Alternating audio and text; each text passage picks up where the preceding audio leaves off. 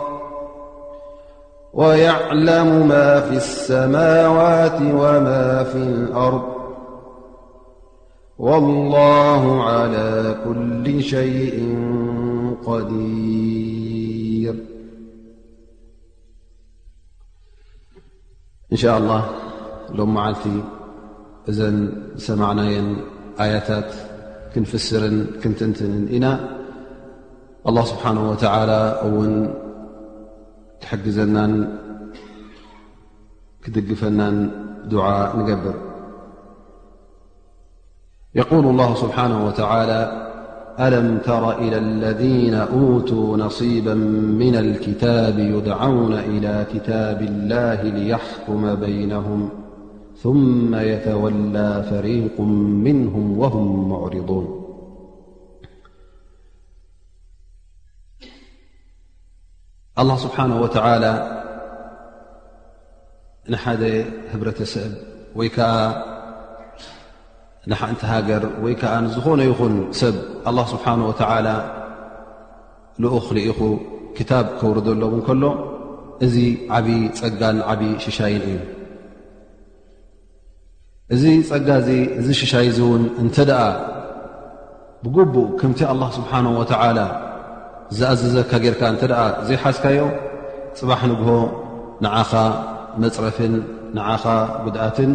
ንዓኻ መንቀፍን ንዓኻ መገሰጽን እዩ ዝኸውን እዚ ድማ ኣበይ ንሪኦ ኣብቶም ኣላ ስብሓን ወተዓላ ዝጠቐሶም ኣህለል ክታብ ኣልየሁድ ወነሳራ ኣይሁዳውያንን ክርስትያንን ኣላ ስብሓን ወተዓላ ብነቢና ሙሳ ዓለይ ሰላም ከምኡ ውን ብነቢ ዒሳ ዓለይ ሰላም ተውራትን እንጅልን ማለት ኦሪትን ወንጌልን ኣውሪድሎም ምእንቲ ምንታይ ምእንቲ ቀጢሎም በዚ ክታብ እዚ ኣብ ህወቶም ከሕልፍዎ ቀጢሎም ነዚ ክታብ እዚ ኣብ ግብሪ ንኸውዕልዎ ኣላ ስብሓን ወተላ ኣውሪድሎም እዩ እዚ ንገዛ ርእሱ ሽሻ እዩ ነይሩ ግን እዞም ሰባት እዚኦም ኣብ ክንዲ ነዚ ኣላ ስብሓን ወተላ ዘውረደሎም ክታብ ነዚ ኣላ ስብሓን ወተላ ዝለኣኸሎም መልእኽቲ ኣብ ክንዲ ከምቲ ኣላ ስብሓን ወተዓላ ዝኣዝዞም ቀጥ ኢሎም ዝሕዝዎ ቀጥ ኢሎም ኣይሓዝዎን እንታይ ደኣ ከም ድላዮም ክልውጥዎን ከም ድላዮም ክቀያይርዎን ከም ድላዮም ናቶም ትንተናን ናቶም ተፍሲር ናቶም ርእቶን ከእትውሉን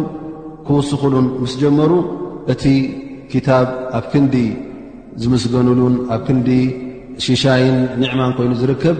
ንዕኦም መገሰፂ ኮይኑ ተረኪቡ ምክንያቱ ነቲ ክታብ ላ ስብሓን ወተዓላ ነፂጎሞ ማለት እዩ ንዕኡ ክቅይሩን ክለውጡን ንዕኡ ድማ በቲ ትእዛዛት ኣብኡ ዘሎ ድማ ንከይከዱ እንተ ደኣ ዘይሰማምዖም ኮይኑ ባዕሎም ብኢደውንኦም ከምድላዮም ክቀየርሉ ስለ ዝተረከቡ ንዑ ተመለሱ ንዑ ኣብቲ ክታብኩም ኣብቲ ቀንዲ ኣላ ስብሓን ወተዓላ ዘውረዶ ኣያታት ኣብቲ ኣላ ስብሓን ወተዓላ ዘውረዶ ዓንቀፃት ናብኡ ተመሊስኩም ቀጥበሉ ክበሃሎም ከለዉ ዝባኖም ሂቦም ገዲፎሞን ጠንጢኖሞ ነቲ ኣላ ስብሓን ወተዓላ ዘውረደሎም ይኸዱ ነይሮም እዚ እወ ነቶም መን ዘርኢ እዚ ሕጂ ነቶም ኣይሁዳውያን ነቶም ክርስትያን ንዕኦም ዘርኢ ክኸውን ከሎ ግን ኣብኡ ከሎ ውን ንዓና መልእኽቲ የመሓላልፍ ኣሎ ማለት እዩ ከምቲ ኩሉ ግዜ ዝብልናዮ ዝኾነ ይኹን ታሪክ ናይ ኣይሁዳውያን ይኹን ታሪክ ናይ ክርስትያን ናይ ነሳራ ይኹን ታሪክ ናይቶም ቅድሚኦም ዝነበሩ እማታት ኣህዛብ ህብረተሰባት ኣላ ስብሓን ወላ ናይ ኩለን ማሕበራት ሰባት መልእኽቲ ወይ ከዓ ጉዳያት ወይ ከዓ ታሪኽ ክትንትነልና እንከሎ ንታሪክ ንክንሰምዕ ንዛንታ ንክሰሚዕና ተመሲጥና ክታብ ቁርን ዓፂና ከምበኣር ከምዚ ነሩ ከምዚ ሩካ ንክትዛረብሉ ይኮነን እንታይ ደኣ ካብኡ ትምህርቲ ንክትቀስም ካብኡ ፍልጠት ንክትቀስም ካብኡ እውን መለበሚ ክኾነካ እዩ ኣላ ስብሓን ወተላ እዚ መልእኽቲ እዚ ዘመሓላለፈልካ ዘሎ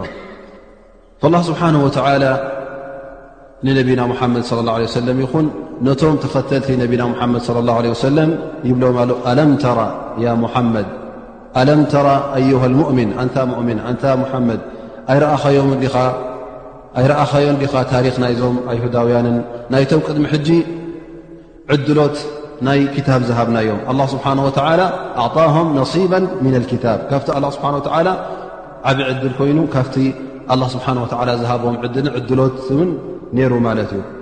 እዞም ሰባት እዚኦም ኣላ ስብሓን ወተላ ክታብ ሂብዎም እንከሎ እዚ ክታብ ኣብ ኢዶም እንከሎ እሞ ኸዓ ኣብቲ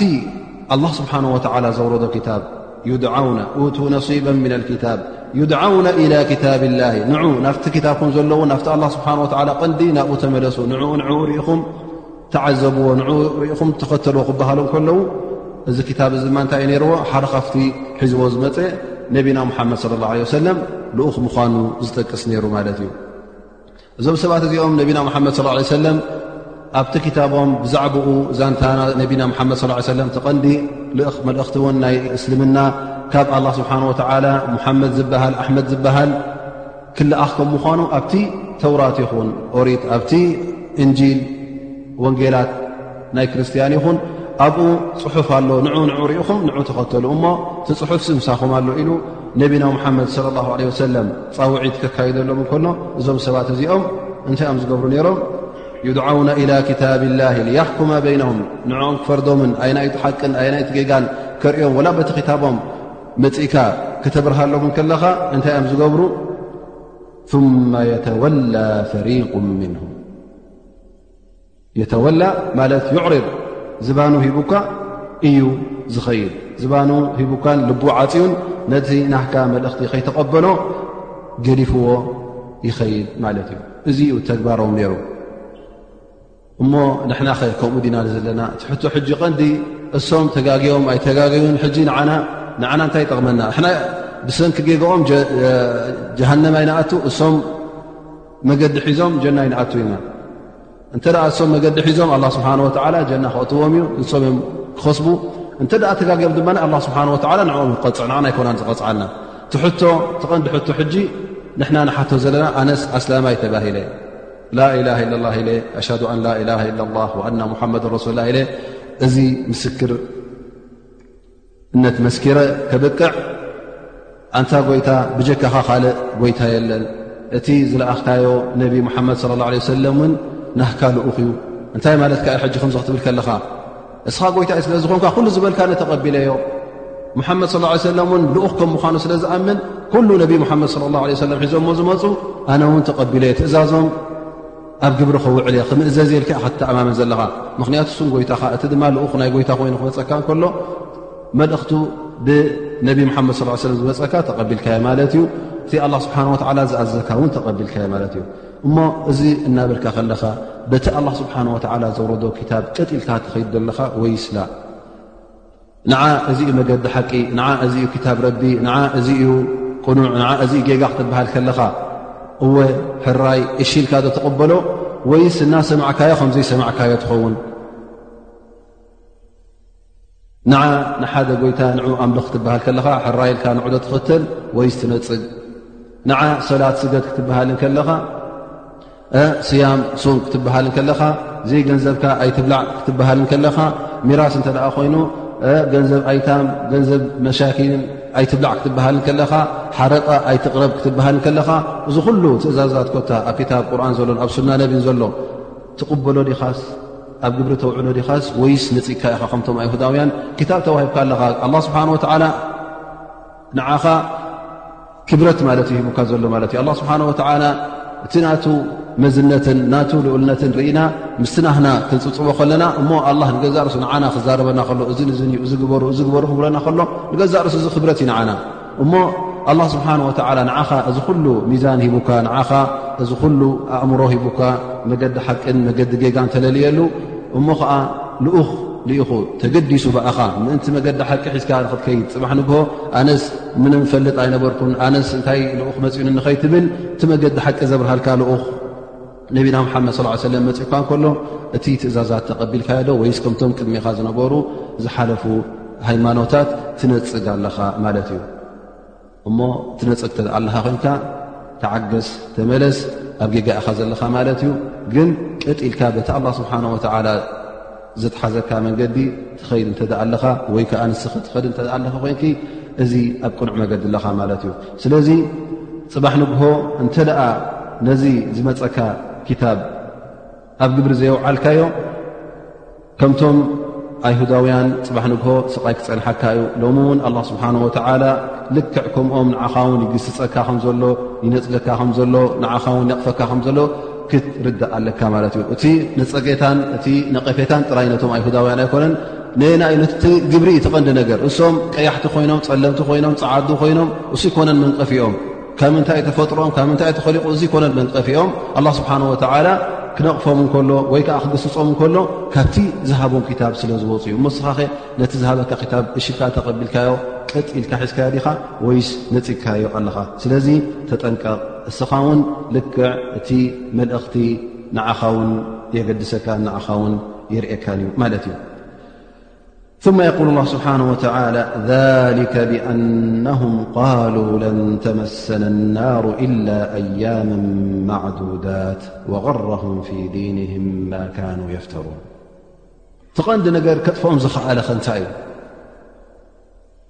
ንሕና ነዛ ናቶም ትመስል እዎ ንና ምናልባሽ ከምዚ ዘረባ እዚ ኣውፅእና ይንኹን ዳኣ እምበር ግን ኣብቲ ተግባራትና እንተ ርእና ዳርጋ ሓደሓደ ግዜ ነዚ ዝመስል ቃላት ነውፅእ ኢና ኣስላማይ ኣነ ፅባሕ ንግሆ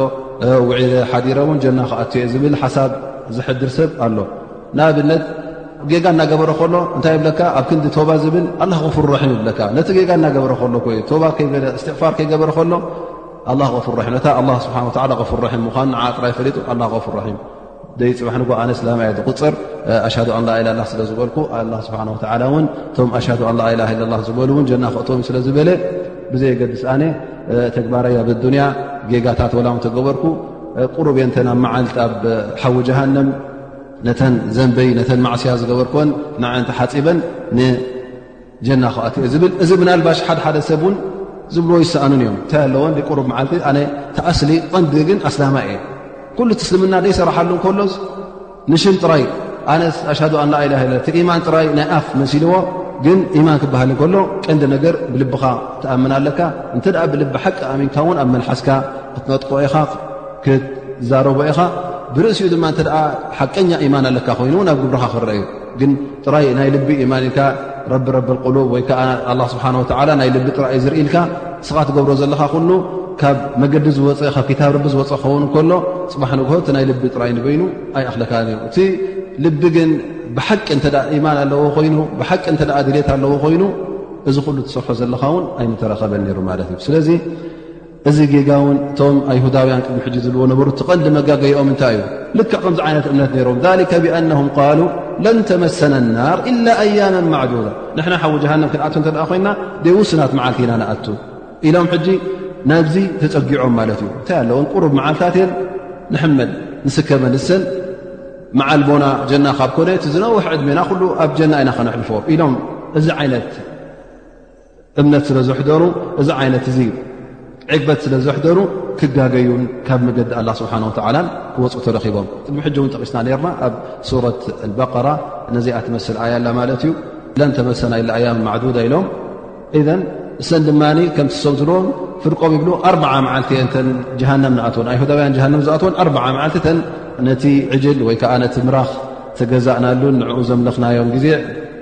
ሰነም ገይሮም ወይ ከዓ ምስሊ ገይሮም ምራኽ ሰሪሖም ነይሮም ነዚ ምራኽ እዚ ኣርዓ መዓልቲ ዝኸውን ተገዚኦሞ እሞ እሰን እንተ ጌጋ ናህና ኣር መዓልቲ እተበዝሐ ካብ ኣር መዓልቲ ኣይሓልፋን እየን ይብሉ ገሊኦም ድማ ኩለን ሸተ መዓልቲ እየን ዝበሉ እውን ኣለዉ ዝኾነ ይኹን እቲ እምነቶም ዓላ ኩላሓን እንታይ እዩ ማለት እዩ ውሱን መዓልትታት ኢና ዝቁፀራ ማዕዱዳት ክብሉ ከለዉ ዝቁፀራ መዓልታት ማለት እዩ ሒደት መዓልታት ወላ ውን ብዙሕ መዓልታት ን ኣይበሉ ኢላ ኣያመ ማዕዱዳት ዝቁፀራ ኩሉ ግዜ እዚ ነገር ዚ ዝቁፀር ኢኻ ክትብል ከለኻ እንታይ ማለት እዩ ክተዋሕዶን ከተናእሶን ከለኻ ማለት እዩ ስለዚ እዞም ሰባት እዚኦም እዞም ኣይሁዳውያን እቲ ኣብ ሓዊ ጃሃንም ፀንሕዎ ዝቁፅዕዎ ንዕኡ ኣዋ ስለ ዘዋሓድዎ ናበይ ከይዶም ማለት እዩ ናብቲ ጌጋ እዚ እውን ኣላ ስብሓን ወተዓላ ዝበሎም ኣይኮነን ውሑዳት መዓልቲ ክምዚ መዓልቲ ኢኹም ኣብ ሓዊ ጀሃንም ትኣትዉ ካብኡ ፀሪኹም ንጀና ክትኣት ኢኹም ኣይበሎም እዚ ዳኣ ካበይ ኣምፅኦሞ የቁል ላ ስብሓን ወተዓላ ወغረሁም ፊ ዲንህም ማ ካኑ የፍተሩን እፍትራ ሓሶት ዘይተባህለ ቦግታ ማለት ይብ ከሎ ሓሶት ጥራይ እውን ኣይኮነን ቦግታ እፍትራእ ኣስል ማ ዕንዱ ሓንሳእ ሓሶት ቅሩብ ገለ ትረኽበሉ ሕቡስ ምስ ኣበለ ሓሶት ትኸውን እፍትራእ ግን ኣስለን ንገዛእ ርእሱ ቀንዲ የብሉ ማለት እዩ ኣኸላ ቦግ ኣቢሉ ቦግታ እያ ማለት እዩ ወغረሁም እንታይ ደኣ ይኻዲዕዎም እንታይ ይቐሽሽዎም እቲ ባዕሎም ዝሓሰዎ ሓሶት ከም ሓቂ ገይሮም ኣሚኖምሉ ማለት እዩ ሓደ ሓደ ግዜ ሓንቲ ሓሶት ኩሉ ግዜ ክትደጋግማ ከለኻ ሓቂ ኮይና ትመስለካ ከምቲ ክጠቕሱ ከለዎ ናይ ሓደ ኣሽዓብ ብልዎ በዚ ተዓዲምኩም ኣለኹም ኢሉ ባዕሉ ቆልዑት ምስ ረኣየ ቲ መርዓ ኣሎ ንዑ ኪዱ ቲ መርዓ ኣሎ ስ በሎም እቶም ቆልዑት ኩሎም ኒዮ ናብኡ ክኸዱ ምስ ረኣዮም እባእ ሓቂ ከይከውና እንታይ ኢሉ ባዕሉ እታ ዝሓሰቦ ሓሶት ሓቂ መሲላቶ ማለት እዩ ነድሕሪኦም ክበልዕ ከይዱ ማለት እዩ ባዕሉ ገይርዋ ከሎታ ሓሶት ሕጂ ሰብ ኩሉ ደድሕሪኣ ክኸይድ ምስ ረኣዮ ሓቂ ከይትኸውን ኢሉ ሕጂ ይኸይድ ማለት እዚኦም ድማ ልክዕ ተሓሶት ባዕሎም ሓሲቦማ ከለዉ ሰብ ኩሉ ክኣምነላ ምስ ጀመረ ከላስ ከም ሓቂ ገይሮም ስለ ዝወሰድዋ በዚኣ ተኸዲዖም ንውሕዳት መዓልቲ ኢና ንሳቀ ንውሕዳት መዓልቲ ናብ ሓዊ ጀሃንዳም ነሕልፎ እሞ እንታይ ኣለዎን እዚአን ንኽእለን ኢና ብማለቶም እንታይ ክገብሩ ጀሚሮም ክጋገዩን ካብቲ ክታብ ኣላ ስብሓን ወተዓላ ክወፁን እቲ ኣላ ስብሓን ወተዓላ ዝኣዝዞም ገዲፎም ካልእ ክገብሩ ጀሚሮም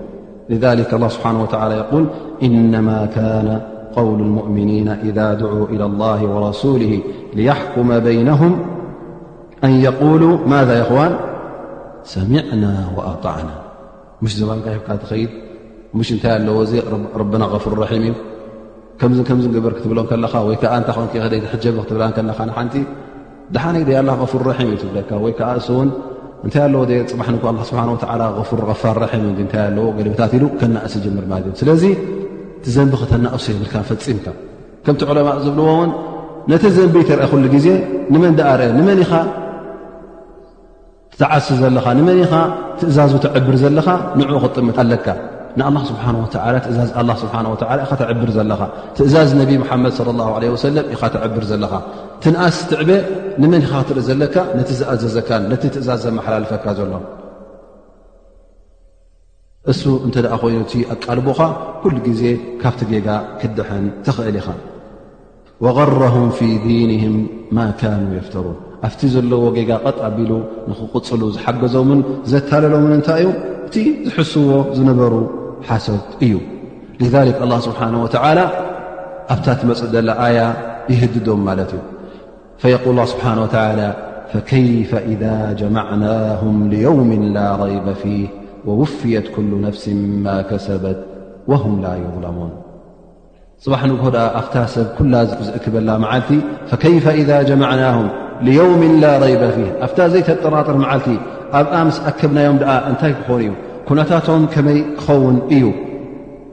እዞም ሰባት እዚኦም ብሓቂ እዛ መዓልቲ እዚኣ ኣይትተርፍን እያ ክትመፅእ እያ ግን እዞም ሰባት እዚኦም እቲ ኩሉ ዝገብርዎ ዝነበሩ ፅባሕ ንግሆ ተኣኪቡ ከም ዝፀንሖም ፈልጡ ድኦም ኣይፈልጡን እዞም ሰባት እዚኦም ነቶም ተላእክዎም ልኡኻት ነፂጎሞም ሓሰውቲ ኢኹም ኢሎም ኣይተቐብልዎምን እረ ካብኡ ንላዕሊ እውን ንገለ ኣንቢያ እውን ቀቲሎም እዮም ነቶም መገዲ ሓቂ ሒዝኩም ክዱ ዝብልዎ ዝነበሩ ዳዕዋ ዘካይዱ ነበሩ ኣምር ብልማዕሩፍ ንሃይ ዓሙ ዝገብሩ ዝነበሩ እውን ንዕኦም እውን ከምቲ ኣብ ዝሓለፈ ኣያ ዝጠቐስናዮ ይቐትልዎም እዮም ነይሮም እሞ እዚ ኩሉ ተግባራት ዝገብሩ ዘለዉ ነቲ ክታብ ኣላ ስብሓን ወላ ዝነፅግዎ ዘለዉ ፅባሕ ንግሆ ተኣኪቡ ከም ዝፀንሖም እዚ ኩሉ ፈልጡ ድዮም ኣይፈልጡን ወላ ስብሓን ወተላ ይወፊ ኩሉ ነፍሲን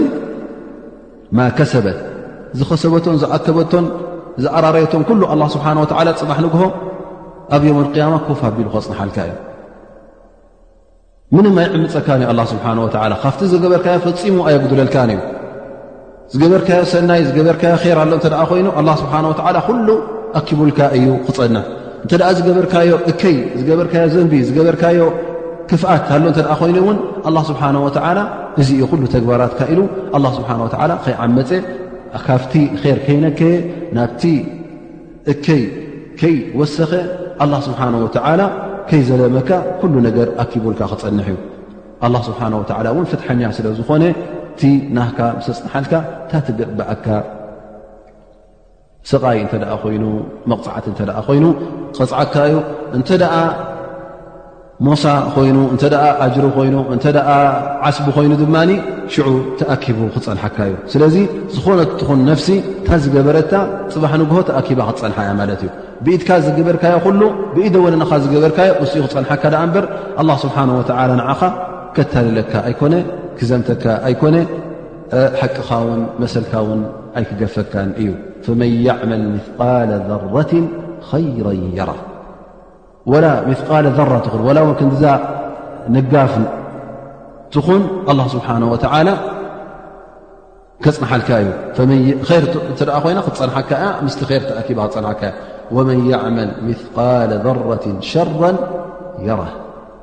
ፅባሕ ንግሆ እውን እተ ልክዕ ክንዲታ ንጋፍ ትኸውን እከይ እተ ኣላ ኮይና እውን ፅባሕ ንግሆ ኮፍ ኢላ ክትፅንሓካ ብዓይንኻ ክትረኽባን ክትርኣን ኢኻ ስለዚ ካብ ኣላ ስብሓን ወተዓላ ዝሕባእ የለ ካብ ኣላ ስብሓን ወተዓላ ዝጠፍእ የለ ኣላ ስብሓን ወተዓላ ፈፂሙ ዝገበርካዮ ጌጋ ዝገበርካዮ ሰናይ ዝገበርካዮ ፅቡቕ ነገር ዝገበርከ ሕማቕ ነገር ኣላ ስብሓን ወተዓላ ፈፂሙ ኣይርስዖን እዩ ኩሉ ተኣኪቡን ተደርዲሩን ክፀንሓካ እዩ እሞ እቲ ትገብሮ ዘለኻ ትስጉሞ ዘለኻ ስጉምቲ እግርኻ ኣበይ ከም ትዕልባ ዘለኻ ዓይንኻ ርኢኻን ዓይንኻ ጠሚትካን ኣበይ ከም ተንጥባ ዘለኻ ተእግርኻ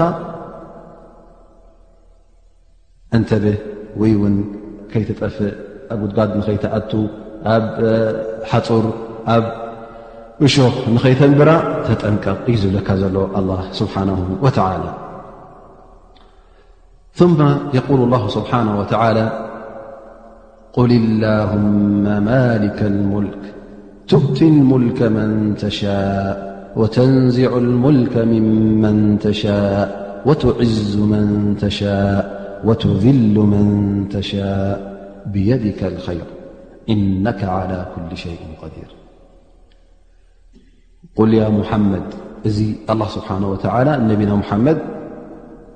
ከም ዝበል ኢሎ ዘመሓላለፎ ማለት እዩ እዚ ትእዛዝ ነቢና ሙሓመድ ለ ላ ለ ሰለም ተመሓላለፈ ላ ስብሓን ወተላ ያ ሙሓመድ ቁል ሊቀውሚካ ወቁል ልናስ ጀሚዓ ነቶም ህዝብኻ ይኹን ንኹሉ ሰብ ነቲ ኣብኦም ልኢኸካ ዘለኹ ያ ሙሓመድ ከምዚ በሎም ኢኻ ንኣላህ ስብሓን ወተዓላ እናኽበርካን ንኣላ ስብሓን ወተዓላ ዝግብኦ ምስጋና እና ኣሕለፍካን ዝግብኦ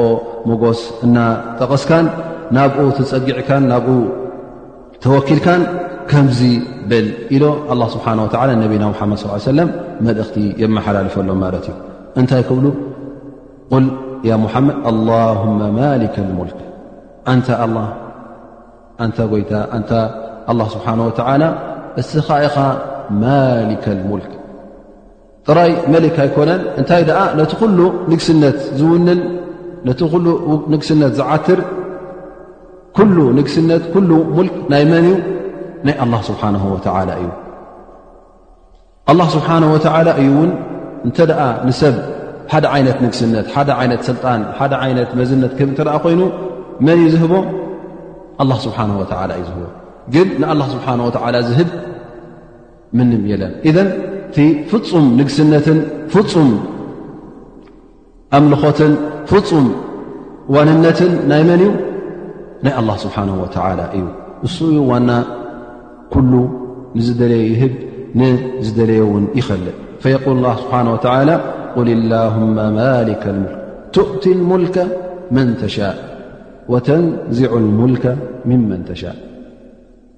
ንግስነት ኮይኑ ሓላፍነት ኮይኑ ዝኾነ ይኹን ዓይነት መዝነት ዝኾነ ይኹን ዓይነት ብልፀት ዝኾነ ይኹን ዓይነት ሓላፍነት መን እዩ ዝህብ ኣላ ስብሓን ወላ እንተ ደኣ እዚ ሓላፍነት እዚ ንግስነትን እውን ክምንዛዓካ እተ ኮይኑ መን እዩ ዝነዝዖ መን እዩ ዝምንዝዖ ኣላ ስብሓን ወላ እዩ ዝምንዝዖ ትእቲ ልሙልከ መን ተሻእ ወተንዚዑ ልሙልካ ካብ ዝደለኻዮ እውን ነዚ ንግስነት እዚ ኣንታ ጎይታ ተመንዝዕ ኣልመቕሱድ ይብሉ ዑለማ እዚ ንግስነት እዚ ኣብ ዝተጠቂሱ ዘሎ ንኹሉ ዘጠቓልል ዩ ግን ብዝያዳ ድማ እንታይ ዩ ዘርኢ ዘሎ ምኽንያቱ እዚ ዝሓለፈ ኣያታት ናይቶም በኒ እስራኤል ስለ ዝጠቐሰ ናይቶም ኣህል ክታብ እንታይ እዩ ዝብሎም ዘሎ እቲ ነብይነት ምሳኹም ዝነበረ ቅድሚ ሕጂ እስኹም ውን ስለ ዘየኽበርኩሞ ኣላ ስብሓን ወተዓላ እውን ነቲ እስኹም ተዋሂኩሞ ነበርኩም እቲ ካብ ንግስነት ዝበለፀ እውን እንታይ እዩ እቲ ነብይነት እዩ ዓቢ ነቢ ክኸውን ካብ ኻባኻ ወይ ከዓ ነቢ ንክትከውን እዚ እቲ ዝዓበየ ንግስነት ኣላ ስብሓን ወዓላ ዝፈተዎ እዩ ነብይነት ዝረክብ ዳኣ እምበር ምናልባሽ ቶም ንጉስ ኣብ ኣዱንያ ንጉስ ዝኾኑ ገለኦም ንጉሳት ብጀካ ክበላሽውን ብጀካ እከይገብሩን ካልእ ክገብሩ ኣይረኣዩን እዮም ግን ነቢ እንተ ኮይኑ እዚ ሰብ እዚ ኣላ ስብሓን ወላ ዝፈትዎ ስለ ዝኾነ ኣብ ኣዱንያ ሰናይ ኣብ ኣራ ሰናይ ዘለዎ ሙሩፅ ስለ ዝኾነ እዚ ተዓብ ንግስነት ማለት እዩ ላ ስብሓን ወላ ነዞም በኒ እስራኤል እንታይ እዩ ዘብርሃሎም ዘሎ ቅድሚ ሕጂ እቲ ነብይነት ምሳኹም ነይሩ ኣላ ስብሓን ወላ ነቲ ምሳኹም ዝነበረ ነብይነት ሕጂ ናብ መን ኣሕሊፍዎ ናብቶም ዓረብ ናብ ሙሓመድ ለ ላ ለ ወሰለም ብዝያዳ እውን ነዚ ነብይ እዚ ብዙሕ ዓይነት ብልፀታት ገይሩሉ ጥራይ ከምቶም ካልኦት ኣንብያ ንማሕበረሰቡ ወይ ከዓ ንዓረብ ወይ ከዓ ንፍሉያት ሰባት ንፍሉያት ሃገር ንፍሉይ ዓዲ ኣይተላእከን እንታይ ደኣ ንሙሉእ ዓለም ልኡኽ ገይርዎ ጥራይ ንሙሉእ ዓለም እውን ኣይኮነን ኢለ ዝተቀለይን እንታይ ደኣ ንጋኒንን ንደቂ ሰባትን ልኡኽ ገይርዎ ከምኡ ውን እቲ ልኡኽ ብድሕሪ ሕጂ ከም ተዓፀወን ከም ተደምደመን ንነቢና ሙሓመድ ስ ሰለም ኻተመ ኣንብያ ብኡ ከም ዝዕፆን ብኡ ከም ዝድምደምን እዚ እውን ንነቢና ሓመድ ስ ሰለም ብዝያዳ ተዋህበ ንግስነትን ሽልማትን እዩ ማለት እዩ ከምኡውን ብዝያዳ ነቢና ሓመድ እቲ ተለኣኽዎ ክታብ እቲ ተለኣኽዎ መልእኽቲ እውን ነቲ ቅድሚ ሕጂ ዝነበረ ኩሉ ክታብትታት መልእኽትታት ንኹሉ ዓብሊሉ ኣብ ትሕቲኡ ኣእትዩ እንተ ምስቲ ሓድሽ መልእኽቲ መፅኡ ዘሎ ዝፃር እተ ኮይኑ ኩሉ ተሰሪዙ ማለት እዩ እንተ ምስ ዝሰማማዕ ኮይኑ በቲ ብክታብ ቁርን ዝመፀ ብኡ ስለ ተደገፈ እሱ እውን ክቕፅል ኣላ ስብሓን ወተዓላ ኣፍቂድሉ ማለት እዩ ግን እዚ ማለት ብጀካ ቁርን ሕጂ ብጀካ እቲ መልእኽቲ ነቢና ሙሓመድ ስለ ላ ለ ዝኾነ እንታይ ዝርኢ ዘሎ ኣንታ ሙሓመድ ነዞም ምሳኻ ዘለዉ ኣህል ክታብ ከምዚ ጌርካ ንገሮም እቲ ቅድሚ ሕጂ ዝነበረ ብልፀትን ንግስነትን ኣላ ስብሓን ወተላ ይሂብኩም ነይሩ ሕጂ እውን ኣላ ስብሓን ወተላ ድልየቱ ኮይኑ ቀደም ብድልቱ ሂብኩም ሕጂ እውን ብድልቱ ካባኹም መንዚዑ ናብ ካልእ የመሓላልፉ ወትድሉ መን ተሻእ ንዝደለኻዮ ነቲ በዓል ር በዓል ሰናይ ግብሪ ኣላ ስብሓ ኩሉ ነገር ኣብ ኢዱ ከም ምዃኑ ኣብዛ ኣያ እዚኣ ይጠቕሰልና ካብ ኢዱ ዝወፅእ እውን የለን ግን እዚ ማለት ከዓ ኣላ ስብሓን ወተዓላ ዒዛ ወይ ከዓ ክብረት ወይ ከዓ ልዑልነት ክህበካ እንከሎ እዚ ነገር እዚ ምስቲ ኣብ ኣዱንያ ዘሎ ኣስባብ ምስኡ ዝገራጮ ማለት ኣይኮነን እንታይ ደኣ ኣላ ስብሓን ወተዓላ ሓደ ነገር ብልፀት ክበካ እንተ ኮይኑ ሓደ ነገር ንግስነት ክባ ከወሃብ እተ ኮይኑ ሓይሊ እተ ክበካ ኮይኑ በቲ ኣላ ስብሓን ወተዓላ ዝኣዘዘካ ኣስባብ እውን ክትገብር ኣለካ እሞ እንታይ ደኣ ኣላ ስብሓን ወላ ተደልዩ ንግስነት ይበካ ተደልዩ የዋረደካ ተደልዩ ክብረት ይበካ ተደልዩ ኣይበካን ኢልካ በጥ ኢልካ ኮፍ ምባል ኣይኮነን لذلك الله سبحانه وتعالى يقول وعد الذين آمنوا منكم وعملوا الصالحات ليستخلفنهم في الأرض كما استخلف الذين من قبله تقدم نر نኦ ن فم أهل الإيمان ف أهل الصلح سني تجبر ن الله سبحانه وتعالى تمكين في الأرض ስልጣንን ንዓኻ መዓርግን ክበካ ከም ምኳኑ በዚ ኣያ እዚ በሪርና ማለት እዩ እዘን እቲ ኣስባብ ዝግበር ናይ ሓይሊ ይኹን ናይ ኢማን ይኹን ናይ ሰናይ ገብሪ ይኹን እዚ ኩሉ ኣስባብ እዚ ተሰሪዙ ማለት ኣይኮነ ኣላ ስብሓን ወተላ እውን እቲ ንግስነትን ሓላፍነትን ስልጣንን ክህብ እንከሎ እቲ ክብረት ክህብ እንከሎ እቲ ሃፍቲ ክበካ እንከሎ ዝኾነ ይኹን ብልጫ ክበካ እንከሎ ብዘይ ሰበብ እበፅሕ ማለት ኣይኮነን ግን እቲ ሰበብ ን ንገዛ ርእሱ መን ዩ ገይርዎ ኣላ ስብሓን ወላ ዩ ገይርዎ እንተ እዚ ንዝንዝን ጌርካ እዚ ንዝን ክበካ ኢሉ ኣላ ስብሓን ወላ ቃል ኣትልካ እዩ ከምዛ ኣብዚ ኣያ ዘንበብናያ ዋዕድ ላ ለذና ኣመኑ ምንኩም ዓሚሉ ሳሊሓት ኢላ ኣክር ኣያ ስለዚ እቲ ኣላ ስብሓን ወላ ማሊከ ልሙልክ ከም ምኳኑ እቲ ንግስነት ከም ድላዩ ንዝደለዮ ከም ዝህብ እውን ተረጋጊፅና ማለት እዩ ኣብ ካልእ ኣያ እንተ ርእና ኣላ ስብሓን ወተዓላ እውን እቶም ኣህል ሽርክ እቶም ሙሽርኪን ኣብ መካ ዝነበሩ ነቢና ሙሓመድ ለ ላሁ ለ ወሰለም ነቲ መልእኽቲ ምስ ተዋህቡ ነቢ ምስ ኮኑ ገለ ካብቶም ሙሽርኪን እንታይ ክብሉ ተራእዮም ወቃሉ ለውላ ኑዝለ ሃذ ቁርን ዓላى ረጅል ምና ልቀርየተይን ዓظም ማለት እንታይ እዮም ዝብሉ ነይሮም እንታይ እዩ እቲ መልእኽቲ ንሙሓመድ ነቲ ሓደ ተራ ሰብ ዝበፅሕ ኢሎም ነዚ ክፃረሩ ጀሚሮም ማለት እዩ ኣብ መካ ካብኡ ዝበልፁን ካብኡ ዝሕሹን ዘየለዉን ኣብ ጣይፍ ካብኡ ዝበልፁን ካብኡ ዝሕሹን ክቡራት ሰባት ዘየለዉን ስለምንታይ ኣብኦም ክመፅእ እዩ ነይርዎ ዝብል ርእቶ ነይርዎም ማለት እዩ ግን እዚ እንታይ እ ዘርእየካ ኣላ ስብሓን ወላ በቲ ርእቶ ናይ ሰብ ኣይኮነ ዝኸይድ ኣላ ስብሓን ወላ ባዕሉ ዝደለዮ እዩ ዝገብር ስለምንታይ ዝገርካ እውን ኣይትብልን ኢኻ ሊክ ላ ስብሓን ወላ የቁል ኣሁም የቕስሙና ራሕመተ ረቢክ እቲ ናይ ኣላ ስብሓን ወላ ራሕማን ናይ ኣላ ስብሓን ወላ ርህራህን እሶም ድኦም ከምድላዮም ክመቓቕልዎ ደልዮም መን እዩ ዝመቅል ከም ድላዩ ኣላ ስብሓን ወተላ ኣብዚ ጉዳይ እዚ ዝፃርሮ የለን እሱ ዩ መላኺ እሱ ዩ ወሃቢ እሱ ዩ ኸላኢ ካብኡ ኢኻ ክትፅበ ዘለካ እስኻ ስለምንታይ ኣላ ስብሓን ወላ ነዚ ሃፍታም ገይርዎ ስለምንታይ ነዚ ትክይዎ እዚኦም ዶ ይበልፁን እዚኦም ዶ ኣይቅይሑን እዚኦም ዶ ኣይፅልሙን ኢልካ በዚ ዝውሰን ኣይኮነን መን እዩ ዝመቅል ኣላ ስብሓን ወላ ኣሁም የቕስሙና ራሕመተ ረቢክ ኢዘን እንታይ ዘርእየና ዘሎ ኣላ ስብሓን ወተዓላ ነዛ ዓለም እዚኣ ከም ድላዩ ከም ዝገላብጣ ምልኩ ስለ ዝኾነት ከም ዝላዩ ይህብን ንዝደለየ ይህብን ንዝደለየ እውን ይኸልእን ስለዚ ንኣላ ስብሓን ወተዓላ እውን ፅባሕ ንግሆ ይኹን ሎሚ ኣብ ኣዱንያ ከለኻ ስለምንታይ ዝገርካዮ ስለምንታይ ዝደይገበርካዮ ኢልካ እውን ክትሓቶ መሰልካ ኣይኮነን ኣይፍቀደካን እዩውን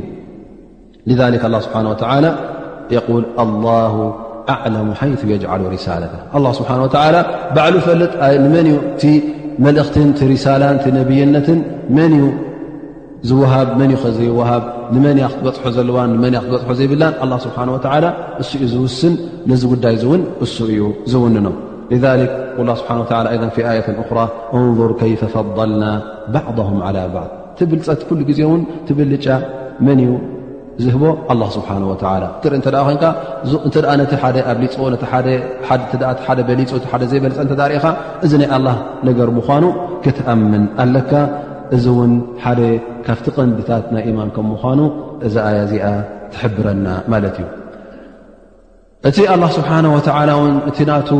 ተግባራት እቲ ናቱ ክእለት ውን ጥራይ ኣብቲ ናይ ሃብትን ናይ ንግስነትን ምሃብ ጥራይ ኣይኮነ ትኽእለቱ ብዙሕ ነገራት ክእለታት ዘለዎ ግን ኩሉ የዘኻኽረና ኣሎ ማለት እዩ እቲ ናይ ሃብትን ናይ መዝነትን ናይ ሰናይ ይኹን እቲ ላ ወይ ከዓ እቲ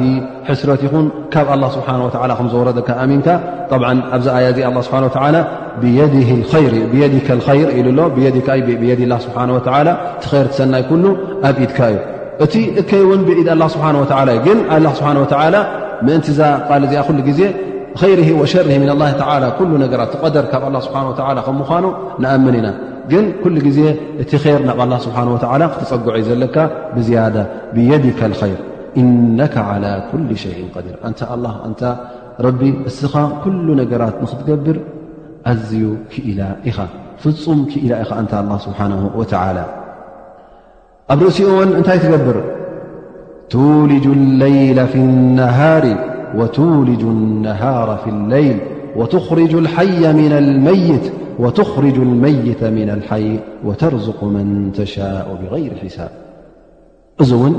ናይ መን ክእለትን ናይ መን ተግባርን እዩ ናይ ኣላ ስብሓን ወላ ንኣላ ስብሓን ወላ ኣብዚ ተግባር እዚ ኣብዚ ናይ ኣዱንያ ዘሎ ኩሉ ኩነታት እውን ዝፃረሮ የለን እሱ ከምድላ እዩ ዝገላበጦ ማለት እዩ ላ ስብሓን ወላ ዩውልጅ ለይላ ፊ ነሃር እንታይ ማለት እዩ ንለይቲ ኣብ መዓልቲ የእትዋ ንመዓልቲ ከዓ ኣብ ለይቲ የእትዎ ከመይ ገይሩ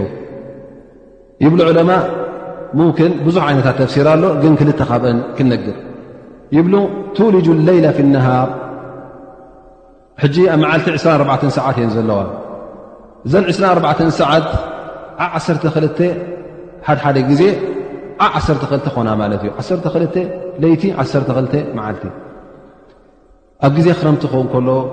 ኣብ ግዜ ቀውዒ ክኸውን ከሎ ግን እንታይ ይኸውን መዓልቲ ይሓፅር ለይቲ ይነውሕ ሕጂ እንታይ ማለት እ ሰዓታት ቅድሚ ሕጂ ቀትሪ መዓልቲ ዝነበረ እንታይ ኣትዎ ፀልማት ለይቲ ኣትዎ ኣብ ግዜ ሓጋይ ክኸውን ከሎ ድማ እቲ መዓልቲ ይነውሕ ለይቲ ይሓፅር ሰዓታት ናይ ለይቲ ሕጂ እንታይ ኣትዎ ማለት እዩ ቀትሪ ኣትዎ ማለት ስለዚ ቀትሪ ኣብ ለይቲ ተእቱ ለይቲ እውን ኣብ ቀትሪ ተእቱ ንስኻ ኢኻ ንስኻ ኢኻ በዓል ክእለት እዚኣ እቲ ሓንቲ ትንተና ማለት ተኻልይቲ ተንተናናታ እውን ይብሉ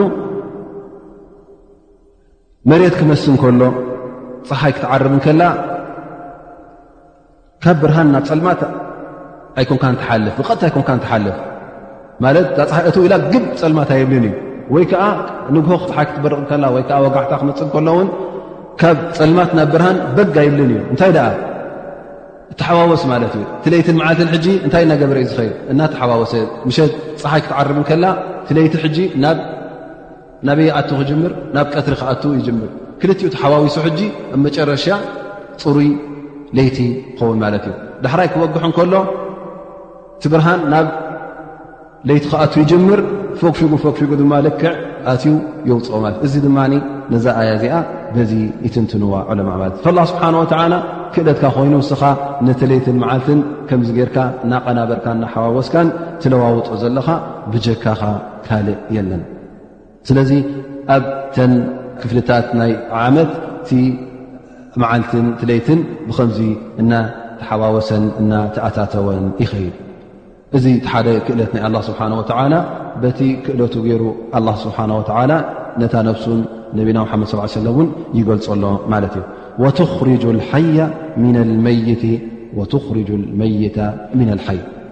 እዚኣ ኩላና ውን ንፈልጣ ንኸውን ምክንያቱ ብዓይና ስለ ውን ንርያ ብርህቲ እያ ኣላ ስብሓን ወተዓላ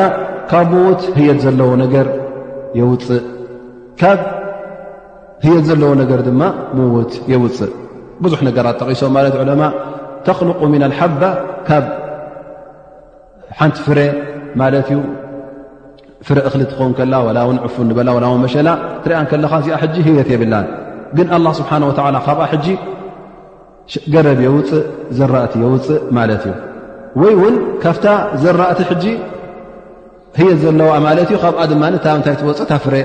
ታሓብ ታህየት ዘይብላ ትወፅእ ከምኡ ውን ብዛዕባ ናይ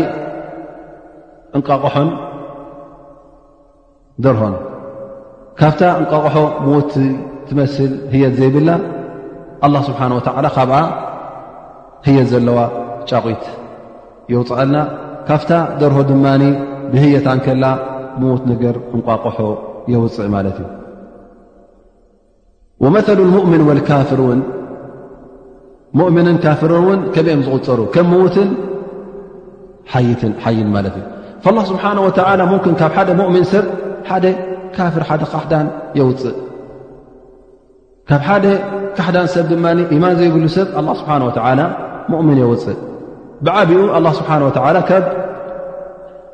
ነቢና ኑሕ ዓለይ ሰላም ሓደ ካብቶም ደቆም በቲ መልእኽቲ ናይ ነቢና ኑሕ ኣይኣመነን ስለ ዘይኣመነ እውን ኣላ ስብሓን ወተዓላ ካብቶም ዝጠለቑ ማይ ገይርዎ ማለት እዩ ኣላ ስብሓን ወተዓላ እዚ ሕጂ ነቢ እዩ ማለት እዩ ኣይኮነ ከማይ ከማኻ ኣይኮነን ተርቢያ ክትርቢ ይከኣልካ ይበሃል ዳዕዋ ክትገብር ኣይከኣልካ ይበሃል ነቢና ኑሕ ዓለ ሰላም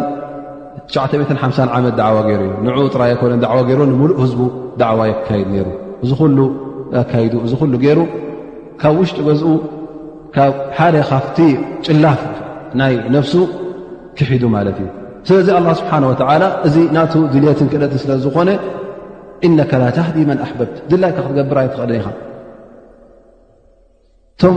ካሕዳናት ካብ ሙእምን ሕጂ ዘ ካሕዳን ተወረኺቡ ማለት እዩ ኣስሓብ ነቢ ስ ለ ሰለም ተርእናዮም ድማ ኩሎም ኣቦታቶም እንታይ እዮም ኩሎም ካሓቲ እዮም ነሮም ሙሽርኪን እዮም ነሮም ላ ስብሓን ወተላ ካብኦም ውን እንታይ ዝመስሉ ኣስሓብ ነቢ ለ ላ ለ ወሰለም ነዚ ዲናን ነዚ መልእኽቲ ነቢና ሙሓመድ ለ ላ ሰለም ምስ ኩሉ ሽግራትን ምስ ኩሉ ዝወረዶም ናይ መቕተልትን ናይ መቕፃዕትን ናይ በብዓይነቱ መግረፍትን ወፅዓን እዚ ኩሉ ተሰኪሞም ነቲ መልእኽቲ እስልምና ኣባና ከም ዝበፅሕን ከም ዝበቅዕን ዝገበርዎ ሕጂ እሶም ኣቦታቶም ተዳርእናዮም ሙእሚን ኣይነብሩ እሞ እስኻ ኣንታ ኣላ ስብሓን ወተላ ንዓኻስ መሪፁካ ኣቦኻን ኣዴኻን ኣመንቲ ገይርዎም እስኻ ውን ኣብቲ እስልምና ከይተፈለጠካ ከይደኸምካሉ ከለኻ ካብኦም እስልምና ቀሲምካ ተማሂርካ ትወፅእ ዘለኻ ካብ ሓይ ትውለ ዘለኻ ካብ በዓል ሂወት ሂወት ትውለ ዘለኻ እስኻ ብዝያዳ ንኣላ ስብሓን ወተዓላ ክተመስግንን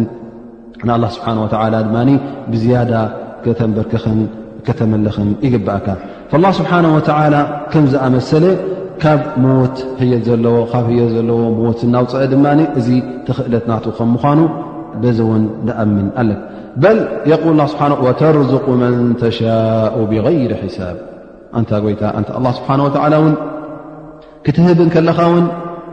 ትዋህባኻ ወሰን የብሉን ንሓደ ሰብ ክትህብ ከለኻ ቆፂሩ እውን ዘይክእሎ ትህቦ ኢኻ ኣለዉ ሃፍታማት ሕጂ ኣላ ስብሓን ወላ ሂብዎም ዘሎ ገንዘብ ፍርቆም ክንደይ ርኣስ ማልካ ክንደይ ገንዘብካ ክትብሎ ከለኻ ንድዕብለካ ማለት እዩ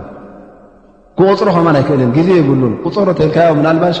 ዕምሩ ይወዳእ ኸውን ገንዘቡ ክቆፅር ንኣላ ስብሓን ወላ ክህብ እንከሎ እተ ከፍትመካ ደልዩ ቁፅሪ ዘይብሉ ሃብቲ ይግበካ እሞ ናይ ኣላ ስብሓን ወላ ሃፍቲ ዳ ክንምንታይ ክኸውን እዩ እስኻ ወዲ ሰብ ተባሂልካ እቲ ኣላ ስብሓን ወላ ዝበካ ዘሎ ክትቆፅሩ እንተ ዘይከኣልካ ትህብ ተዋሂብካዮ ዘለኻ ሃብቲ ፈማ ባሉ ብ ሃብቲ ናይ ኣላ ስብሓን ወላ እዘን ክሳዕ ክንዲ ምንታይ ዓብን ሰፊሐን ክኸውን እዩ ስለዚ ኣላ ስብሓን ወተዓላ ውሃብ ሽሻይ ውሃብ ርፅ ካብ ኮነ ትናቱ ምስኡ ዘሎ ሽሻይ ድማ ዓብ ከም ምኳኑ ኣላ ስብሓን ወላ ክህብ ከሎ ድማ ከም ድላይ ዝህብ ዝቆፃፀሮ የብሉን ዝሓስቦ የብሉን እስኻ ክትውሃብ ከለኻ ውን ሓደሓደ ግዜ ኣላ ስብሓ ወላ ክበካ ከሎ ብዘይ ፀብፃብን ብዘይ ቁፅርን እዩ ይበቃ እዚ ድማ ኣላ ስብሓን ወተዓላ ናቱ ብናቱ ድልትን ብናቱ ክእለትን ክህብ ከሎ ድማ ነትን ነትን ዘሊምዎ ወይ ከዓ ነቲ ወፂዑ ነቲ ፈትዩ ነቲ ኣቒቡ ክትብል የብልካን ምኽንያቱ ኣላ ስብሓን ወላ ክገብሮ ከሎ ኩሉ ነገራት ብሕክማ እዩ ዝገብሮ ብሕክማ ክበሃል እንከሎ ድማ ኣላ ስብሓን ወተዓላ ኩሉ ነናቱ ይህብ ኣሎ ማለት እዩ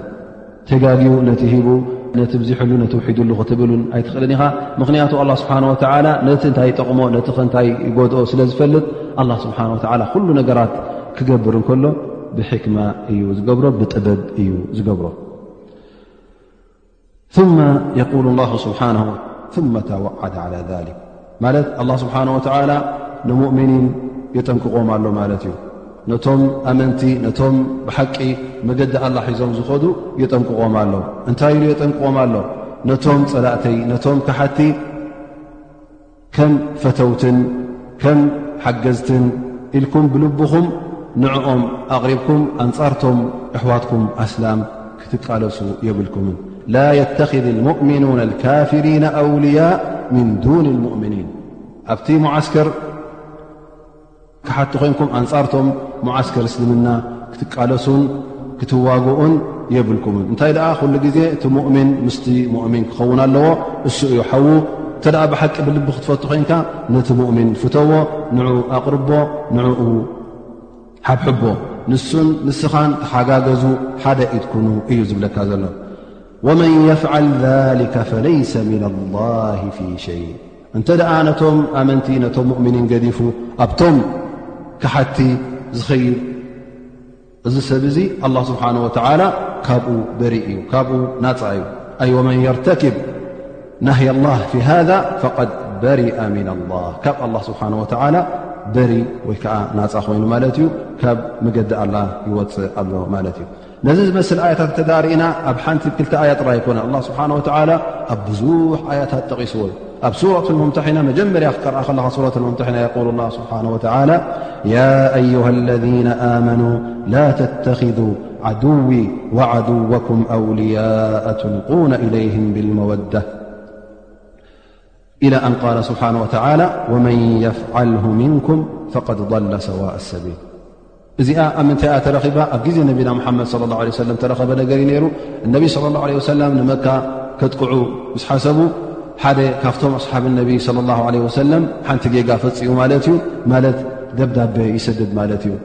ናብቶም ሙሽርኪን ናብቶም ክሓቲ ደብዳበ ይሰድድ ነቢ ሙሓመድ ስ ሰለም ናባኹም ንኸጥቅዓኩም ይሓስብ ኣሎ ዝብል ኢሉ መልእኽቲ ይሰድድ ማለት እነቢ ስለ ላ ለ ሰለም በቲ ኣላ ስብሓን ወተዓላ ዝሓበሮም እዚ መልእኽቲ እዚ ከም ተላእኸ ስለ ዝፈለጡ ሰይድና ዓሊ ብን ኣብጣልብ ይልእክዎ ማለት እዩ ከምዚ ከምዚ ዝኣመሰለት ሰበይቲ መልእኽቲ ደብዳቢ ሒዛ ትኸይዳላ ንመካ ኣብ ከምዚ ቦታ ክተርክቡዋ ኢኹም ንዓኣ ከትካ እቲ ደብዳቢ ሓዲጋ ኢኻ ይብልዎ ማለት እዩ ነቢና ሓመድ ዓሊ ስ ረ ላ ን ምስ ካልኦት ኮይኑ ይኸይድ ማለት እዩ ነዛ ሰበይቲ እዚኣ ኣብታ ዝበልዎ ነቢና ሓመድ ስ ሰለም ይረኽባ ማለት እዩ እዛ ሰብ እዚኣ ምስ ረኽባ ይብላ ንስኽፍና እወ እሞ ምሳክስ ከምዚ ከም ዝኣመሰለ መፅሓፍ ኣሎ እሞ ሃብና ደብዳበላ እሞ ሃብና ኣነ የብለይን ትብሎም ፈትሹኒ ኣን ፈትሾማ ማለት እዩ ቲ ገመል ዘሎ ኣብቲ ቑሑታ ፈትሾማ ማለት እዩ እሳ ሕጂ ኣብ ነብሳ ስለ ዝሓበእቶ ኣይረኸብዋን ስለ ዝረኸብዋን ይብላ ሰይድና ዓሊ ደብዳበ ምሳክላ ትህብና ዲካ ሃብና ተዘየሎ ክዳውንቲ ኣምሊቕና ክንረኽባ ኣይና ይብና ንኣን ነቢ ስ ሰለም ባዕሉ ስቑኢልካ ሃተው ቅጠው ኣይኮነን ዝረብኡ ንሕና ካባኺ ካብ ነብስና ዝያዳ ንዕኡ ንኣምን ስለዚ ሓሶት ካብ ነቢ ሓመድ ስ ሰለም ዝሰማዕናዮ ስለ ዘይብልና ምሳኽላ ምሳኽላ ከምዚ ምስ ረኣየት ብሓቂ ዝረብኦም ሓቂ ምስ ረኣየቶ እዛ ሰብ እዚኣ እታ ደብዳበ ትቦም ማለት እዩ እታ ደብዳበ ሒዞማ ንመዲና ይምለሱ እዚ ነገር ዝፈፀመ ሓደ ካብቶም ኣስሓብ ነቢ ስ ሰለም ሓጦብ እብን ኣቢበልታ ዝበሃል እዩ ነይሩ ማለት እዩ ሰይድና ዑመር ረ ላ ን ነዚ ምስ ሰምዐ ሕጂ ብጣዕሚ ተቆጢዑ ማለት እዩ ያ ረሱላ ላ ዮም ናፈቕ ዳዕኒ ኣቕጣ ዕኑቐ ንዓ ያ ረሱላ ላ ኣፍቅደለይ ንእዚ ሰብ እዚ ኣነ ክሳዱ ቆርፆ ምኽንያቱ እዚ ዝገብሮ ዚ ተግባር ኒፋቅ ስለ ዝኾነ እምነት ዘይብሉ ሰብ ዩ ከም ዝገብር ዳኣ እምበር እምነት ዘለዎ ሰብሲ ንሕና ምስና ተሓሲቡ እቲ ናህና ምስጢራት ንፀላእ ክህብ እንከሎ ንዕኦም ፈትዎም ማለት ስለ ዝኾነ እተ ንኦም ፈትዎም ሓደ ካብኦም ማለት እዩ ስለዚ ዳዕኒ ኣቕጣዕ ዕኑቀሁ ይብል ማለት እዩ ፈነቢ ስለ ላ ለ ወሰለም ይኽልክልዎ ማለት እዩ ይብሎ ማ ኣድራካ እን ላ ስብሓን ወተላ ነቶም ኣህል በድር ቅድሚ ሕጂ ጠ ሓጠብ እብን ኣብዪ በልትዓ ካብቶም ቀዳሞት ኣስላም ኣብ በድር ኩናት በድር ዝተኻፈለ ስለ ዝኾነ እሶም ድማ ኣላ ስብሓን ወተላ በቲ መጀመርያ ተሰከምዎ ሰኸም በቲ መጀመርያ ተገረፍዎ መግረፍትን እቲ ኩነታት ብፀቢቡን ብሕማቕን እንከሎ ነቲ እስልምና ተሰከሙ ሰባት ስለ ዝኾኑ ኣላ ስብሓን ወተላ ዝገበርኩም ተገበርኩም ድሕሪ ሕጂ እቐፊረልኩም እየ ይፍዓሉ ማሽእቱም ስለ ዝበሎም ኣላ ስብሓን ወተላ እዚ ነገራት እዚ እሱ ፈልጦ ነይሩ እዩ እቲ ንኣህል በድር ዝሃቦ ድላይ ክም ግበሮም ዝበሎም በዚ ነገር እዚ ናይዚ ሰብ እዚ ተደምሲሱ ኢሎም ነቢና ሙሓመድ ስ ሰለም ንዑመር እብን ጣብ ንዓ ትጋገለኻ ኣይትህረም ኣይትቕተል ይብልዎ ማለት እዩ ግን ንሓጥብ እብን ዓቢበልትዓ ይፀውዕዎም ይሓትዎ ማለት እዩ ስለምንታይ ከምዚ ጌርካ ኢሎም ነቢና ሓመድ ስ ሰለም ንሓጥብ ይሓትዎ ሓጥብ ብናቢ በልታ ይብል ያ ረሱላ ላ ኢ ኣነ ንኦም ፈትየ ኣይኮንኩን ወላ እውን ነቲ እስልምና ፀሊዐ ኣይኮንኩን ወላ እውን ክሕደት ፈትየ ኣይኮንኩን ግን እታ ዝግበረት ንስ ኣነ ደቀይ ኣብ መካ ስለ ዘለዉ ስድራይ ኣብ መካ ስለ ዘለዉ እሞ ከዓ ኣብ መካ ኣነ ወላ ሓደ ሰብ የብለይን እቶም ካልኦት ብፆትካ እቶም ካልኦት ኣስሓብካ እቶም ኣስሓብ ነቢ እቶም ካልኦት ገሊኦም ሓዎም ሓውቦኦም ገለ ስለ ዘለውኡ እሶም ነቶም ስድራ ቤቶም ይናብዎምን ይከላኸልዎምን ኣለዎ ኣነ ግን ኣብ መካ ሓደ ሰብ ንዓይ ነቶም ስድራይ ነቶም ደቂ ነቶም ቆልዑት ነቶም ህፃን ሰብ ዝርእየለይ የብለይ እሞ እዛ ነገር እዚኣ ዝገብራ ዘለኹስ ምናልባሽ ነቶም ደቀይ ንዕኦም ይርህርህሎም እሞ ንዕኦም ከይጎድእዎም ኢለ በዚ ማለት እቲ ናይ ቆልዑተይ ኣተሓሳሲብኒ ድኣ እምበር ኣነስ ንዕኦም ፈትየን ደልየን ኣይኮንኩን ይብል ማለት እዩ እነቢ ስ ሰለም በዚ ይምሕርዎ ማለት እዩ ስለዚ እተ ናይ ብሓቂ ነቶም ፀላእቲ እስልምና ነቶም ክሓት ትፈት እተ ኮይንካ እቲ ጉዳይ ሕጂ ካብቲ ዲን እውን ክውፅኣካ ይኽእል እዩ የል ስብሓ ላ ፊ ኣየት እራ ያ ዩሃ ለذነ ኣመኑ ላ ተተኪذ ልካፍሪና ኣውልያء ምን ዱን ልሙእምኒን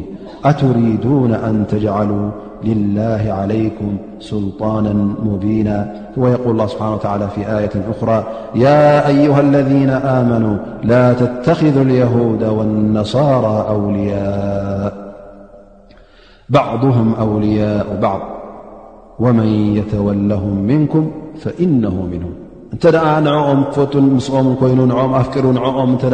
ተሓባቢሩ ምስኦም ክተሓጋግዝ እተ ተረኺቡ ኣንፃር ኣሕዋት እስላም ሓደ ካብኦም ማለት እዩ ነቶም ኣስላም ገዲፉ እተ ምስኦም ዓስኪሩ ነቲ ኣስላማይ ገዲፉ እተ ከይዱ ናቶም ሓዎም ኮይኑ ማለት እዩ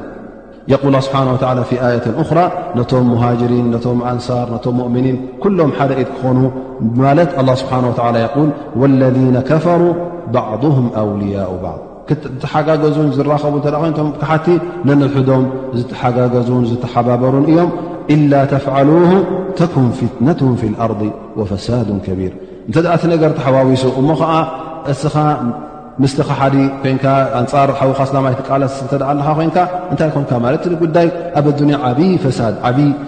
ብልሽውና ተረኪቡ ማለት እዩ እቲ መገዲ ሓቅን ቲ መገዲ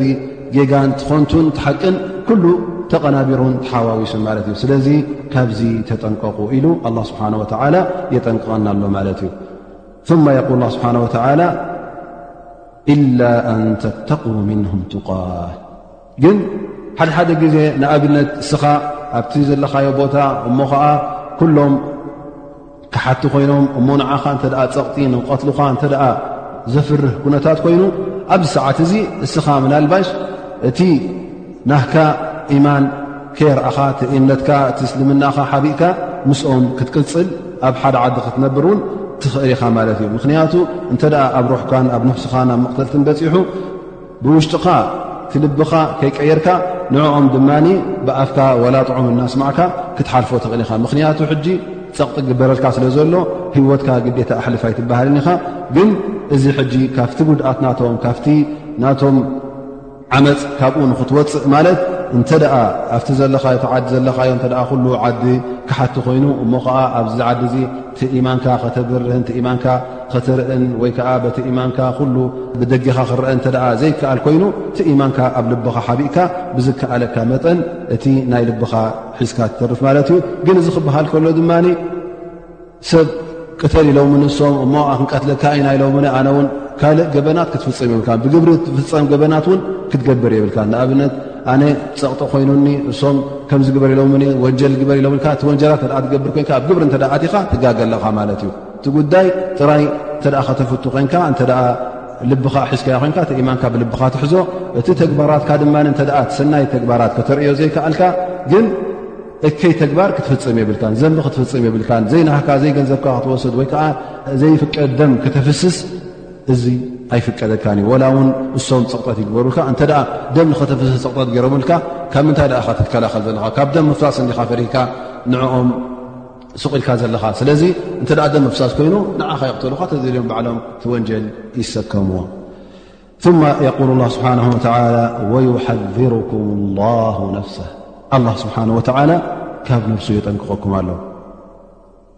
ምኽንያቱ ኣላ ስብሓን ወተዓላ እንተ ተቖጢዑ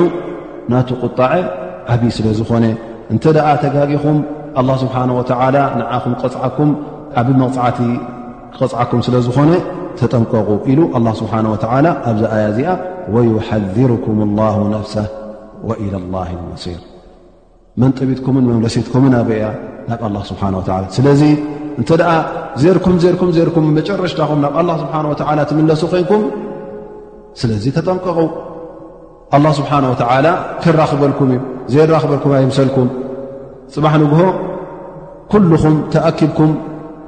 ከምቲ ኣላ ስብሓን ወተዓላ ዝኸለቐኩም ወላ እውን ተን ትመልክዎን ዝነበርኩም ክዳውንቲ እውን ከተምፅዎን ኣይኮንኩምን ፅባሕ ንጎን ኣላ ስብሓን ወተዓላ ጥራይ ነብስኹም ይኹም ክትቀርብዎ ኣብኡ ብጀካቲ ተግባርካ ካልእ ነገር ትፀንሓካ የለን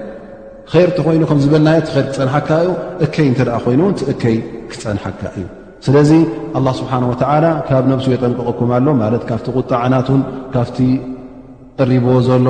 መቕፃዕትን ካብቲ ቀሪብዎ ዘሎ ስቓይን ካብኡ የጠንቀቐኩም ኣሎ ስለዚ ተጠንቀቑ ላ ስብሓን ወተላ ትወዳደርዎ ኣይትኽእሉን ኢኹም እቲ ሓይሊ ናት እውን ብሓይልኹም ክትወፅዎ ስለ ዘይትኽእሉ መጨረሽታ ኸውን ዒና ሕሕፀር ዕድሜኹም ዮም ቅያማ ስለ ዘለ ናብኡ ክትምለሱ ስለ ዝኾንኩም ተጠንቀቑ ይብለኩም ኣሎ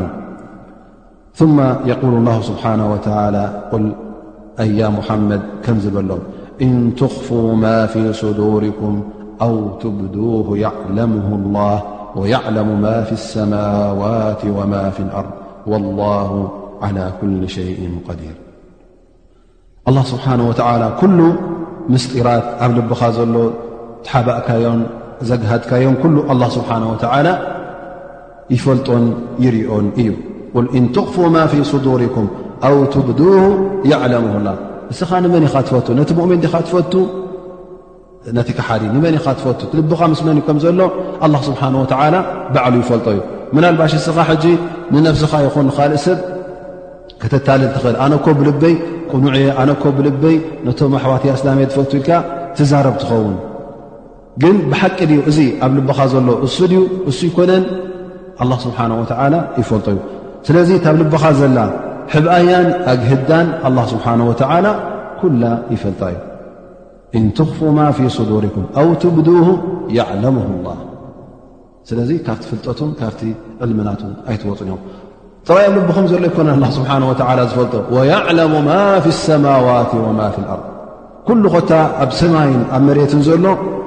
እቲ ዝኩሉ ስፍሓት ናይ ሰማይ ዝሉ ስፍሓት ናይ መሬት ኣሕና ሎም መዓልቲ እውን ፀብፂብና ክንቆፅሮ ዘይንኽእል ንኣብነት ስፍሓት ናይ ሰማይ ክንደይ ተበሉካ ትፈልጦ ትኽእል ስፍሓት ናይ ዝሃዋሁ መንጎ ሰማይን መሬትን ዘሎ ክሳዕ ክንደይ ከም ዝኾነ ትፈልጦ ትኽእል ኣይትፈልጦን ኢኻ ላኪን ኣላ ስብሓን ወተዓላ እዚ ኩሉ ስፍሓት እዚ ጠፈር ዘሎ ኣብዚ ሃዋሁ ዘሎ ኣብቲ ሰማያት ዘሎ ኣብዚ መሬት ዘሎ ኣብ ኩሉ ኮታ ዘሎ ኣብ ውሽጢ መሬት ዘሎ ውሽጢ ከዚ መሬት ዘሎ ኣላ ስብሓን ወተዓላ ንሱ እዩ ዝፈልጦ ንሱ እዩ እውን ዝቆፃፀሮ ጥራይ ይፈልጦ ኣይኮነን ኣላ ስብሓን ወተዓላ ንሱ እዩ ዝቆፃፀሮን ንሱ እዩ ከምድላዩ ዝገላበጦን ወላሁ ዓላ ኩሉ ሸይን ቀዲር ኣላ ስብሓን ወተዓላ እውን ኩሉ ነገራት ንክገብር ፍፁም ክኢላ እዩ በዚ ኣያ እዚኣ ወይ ከዓ በዚ ኣያ እዚኣ ደርስና ናይ ሎም መዓልቲ በዚ ይውዳእ እንሻ ላ ንትመፅ ዘሎ ደርሲ ድማ ካፍታ ትመፅ ዘላ ዳስ ንጀምር እሞ ከዓ እንሻ ላ ሎም መዓልቲ ዝያዳ ግዜ ረክብኩም ማለት እዩ ፋይዳ እተ ኣሎ ኮይኑ ዝሓዝኩሞ ፋይዳታት እንሻ ላ ብዝያዳ ግዜ ክንበኩም ምክንያቱ ሓሓደ ግዜ ሓፅረና ነይሩ ስለዚ እቲ ዝሓዝናዮ ፋይዳ ሎም መዓልቲ በብሓደ እንሻ ላ ንሳተፍ ሸይ ፈለይሰ ምና ላ ፊ ሸይ ኣይ ኣነ በሪኡ ምና ላ ምስ ኣላ ስብሓን ወላ ይርክብ የብሉን ማለት እዩ እታ ርክቡ ዘላ ምስ ኣላ ስብሓ ወላ ቆሪፅዋ ማለት እዩ ምክንያቱ ርክቡ ምስቶም ኣውልያ ላ ምስቶም ኣላ ስብሓ ወላ ዝፈትዎምን ዝደልዮምን ስለ ዝቆረፃ ስለዚ ርክቡ ምስ ኣላ ስብሓ ወላ ቆሪፁ ማለት እዩ ፈለይሰ ምና ላ ፊ ሸይ ማ ዕንዱ ዓላ ቀቢላ ርክብ የብሉ ምስ ኣላ ስብሓ ወላ እዘን እንተ ርክብካ ምስ ኣላ ስብሓ ወላ ተቆሪፁ እንተ ኣይናይ ርክብ እዩ ክጠቕመካ ስለዚ እቶም ኣውልያ ኣላ ስብሓን ወላ ትፈት እተ ኮንካ እቶም መገዲ ረቢ ሒዞም ዝኸዱ እተ ትፈቱ ኮንካ ምስ ኣላ ስብሓን ወላ ርክብካ ኣትሪርካን ምስ ኣላ ስብሓ ወላ ርክብካ ኣጠጢዕካ ማለት እዩ እንተ ደኣ ግን ነዚ ርክብ እዙ ኣፋኺስካዮ ነዚ ርክብ እዚ ድማ ኣላሕሊሕካዮ ወይ በቲኽካዮ ልክዕ ምስ ኣላ ስብሓን ወላ እውን ርክብካ ትበትኽን ተላሕልሐን ኣለኻ ማለት እዩ ይብ ይኸዋና ፋይዳ ሒዝኩም ወላ ክ ጀማል ይ ባረ እታ ቀንዲ ፋይዳ ዝሓዝናያ ብ መጀመርያ ዝተዛረብና ታ ቀዳመይቲ ኣያ ዝቕረእናያ ማለት እዩ ን ስብሓ ወላ እቶም ኣህሊ ክታብ ነቲ ዝወረዶም ክታብ ቅጥ ኣቢሎም ስለ ዘይሓዙ ፀማም እዝኒ ስለ ዝሃብዎ ካብ መገዲ ወፂኦም ዝባኖም ስለ ዝሃብዎ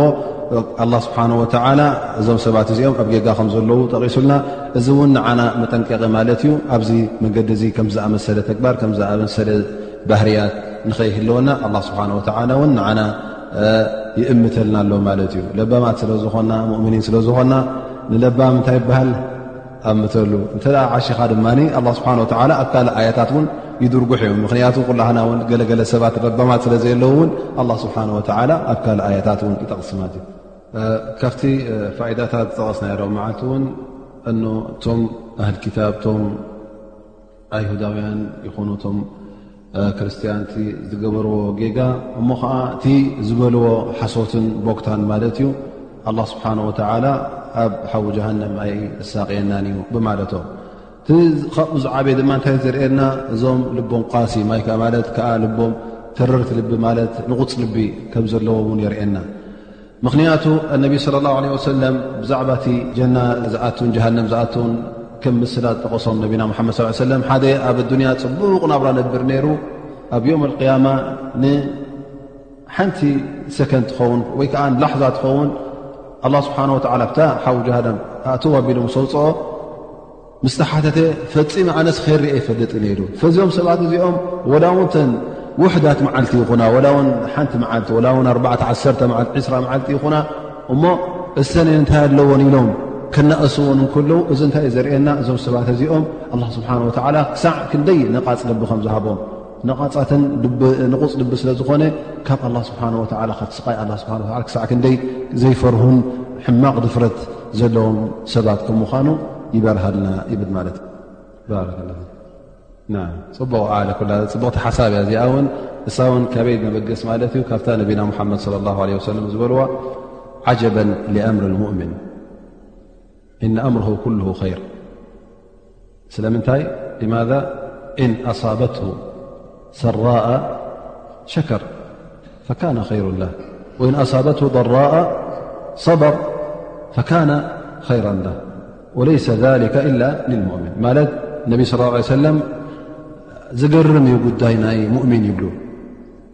ስለምንታይ እንተ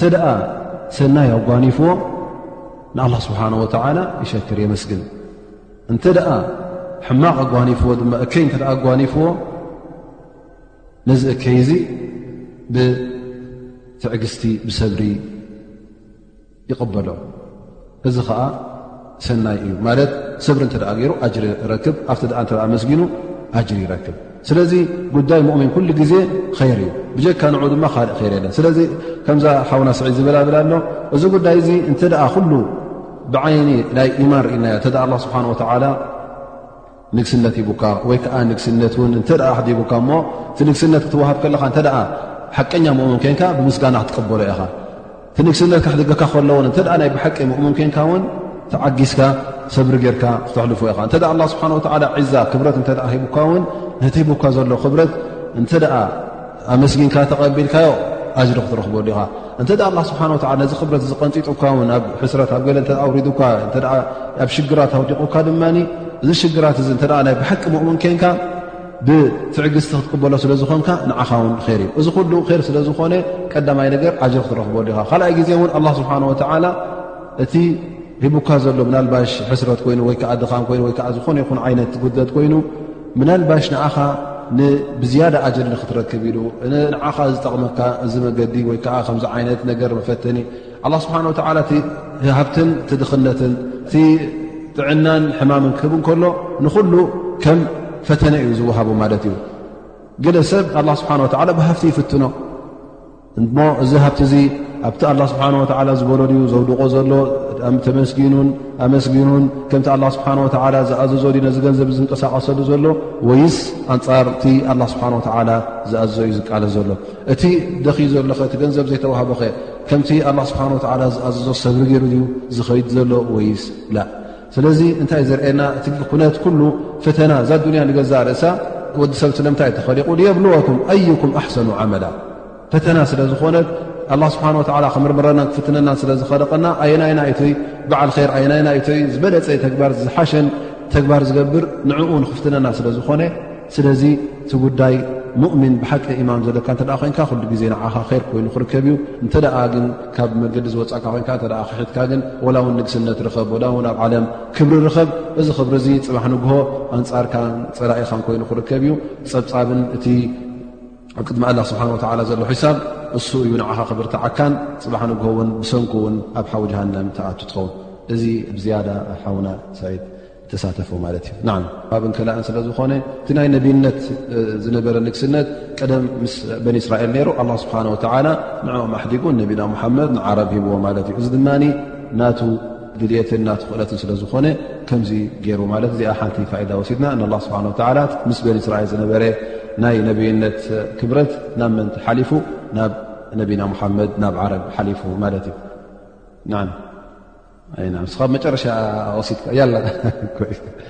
ታዊኽ ክትውድኣ ካደሚን በዛ ኣያ እዚኣ ካብ ኣላ ስብሓን ወላ ፈፂሙ ዝሕባእ የለን ይጥቀቕ ይፍረ ይፀልምት ይብራህ ይተሓባ ይገላህ ካብ ኣላ ስብሓን ወላ ዝሕባእ ነገር ከምዘየለ እዛ ኣያ እዚኣ ተብርሃልና ፈፂሙ ብዛ ዓለም ዘሎ ኩሉስ ካብ ኣላ ስብሓን ወላ ዝሕባእ የለን ባረከላ ፊክ እታ ዝብላ ዘሎ ማለት እዩ እንታይ ተረዲኡና ድማ ላ ስብሓን ወተላ ቅድሚ ሕጂ ነቶም ቀዳሞት ሂቦም ዝነበረ ነቶም ኣይሁዳውያን ይኹኑ ነቶም ክርስትያን ትዲኖም ኣላ ስብሓን ወተላ ዘውረዶ እዩ ነይሩ ግን ብድሕሪ ነቢና ሙሓመድ ለ ላሁ ለ ወሰለም እቲ ዝሓለፈ ዲን ኩሉ ተዓፅዩ ማለት እዩ እቲ ቐንዲ ርክብ ዘሎ ድማ ሕጂ እቲ ናይ ኢማንን ናይ ክሕደትን ማለት እዩ እቲ ሕውነትን እቲ ምትሕግጋዘን ትብትሕባብር ዝኸውን ኩሉ ግዜ ካብ ምንታይ ክብገስ ኣሎ ካብ ዲን ካብ ኢማን ክብገስ ኣሎ ካብ ካልእ ክብገስ የብሉን እቲ ቐንዲ መበገዝትኡን እቲ ቐንዲ መንቀሊኡን ናይ ኢማንን ናይ ክሕደትን ክኸውን ኣሎ እሳ እታ ትፈላልን እሳ እታ ተኣኻኽብን ቀንዲ ነገር ዝኣኻኽበናን ዝፈላልየናን እንታይ እዩ እቲ ኢማንን እቲ ክሕደትን እዩ እዚኣ እታ ቀንዲ መልእኽቲ ማለት ን ኣውላ ፈትሒ ባብል ከ ዩ ኣዲላ ሰይኣት ኣክተር እታ ዝብላ ዘሎ ነጥቢ ቀንዲ ነገር ክንጥቀመላ ንኽእል በርዱ እቲ ቐንዲ ነቶም ኣይሁዳውያን ነቶም ቅድሚ ሕጂ እተዋሃቡ ክታብቲ ከጋግዮምን ካብቲ መገዲ ከውፅኦም ዝኸኣለ እታ ቐንዲ ነጥቢ እንታይ እያ ነራ ካብዚ ኣያ እዚኣ ንጥቀማ ይብል ከምቲ ኣላ ስብሓን ወተላ ዝበለና ወغረሁም ፊ ዲንህም ማ ካኑ የፍተሩን ተሓሶት ማለት እዩ እቲ ሓሶት እያ ቀንዲ ነገር ካብቲ መገዲ ዘውፃቶም ስለዚ እንታይ እዩ ዘርእየና ዘሎ ሕጂ ሓሶት ናይ ኩሉ እከይ ነገራት መፍትሕ ከም ምዃና እንተ ደኣ መገዲ ሓሶት ተኸፊቱ ኩሉ ካብ መገዲ ኣላ ስብሓን ወተላ የውፅእካ ነቲ ኣላ ስብሓን ወላ ዝኣዘ ትነፅጎ ነቲ ኣላ ስብሓን ወተላ ዝሓበረካ ንዕኡ ሰጊርካ ትኸይድ ኣላ ስብሓን ወላ ዝሓንፀፆ ገደባት ንኡ ፈንጢዝካ ትወፅእ ስለዚ ተቐንዲ ኸፍአትን ዝበእሰትን ነጥቢ ኣይነይቲ እያ እቲ ሓሶት እያ ማለት ስለዚ ነዛ ኣፍ ደገ ሓሶት ነዛ ሊዳት ሓሶት እንተ ከፊትናያ ኣብ ብዙሕ ነገራት ኣብ ብዙሕ እከያት ክተውድቐና ትኽእል እያ እንተ ነዛ ሊዳት እዚኣ ድማ ዓፂናያ ነዛ ኣፍ ደገ እዚኣ ዓፂናያ እቲ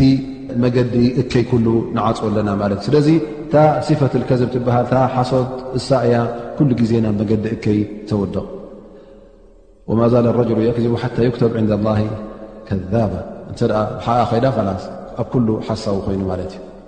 إن شاء الله م عل درسن ب ድمد أقول قول هذا وأستغفر الله لي ولكم وأسأل الله سبحانه وتلى أن ينفعنا بما سمعنا وأن يعلمنا ما ينفعنا والحمد لله على كل حال وصلى الله على نبينا محمد وعلى آله وسح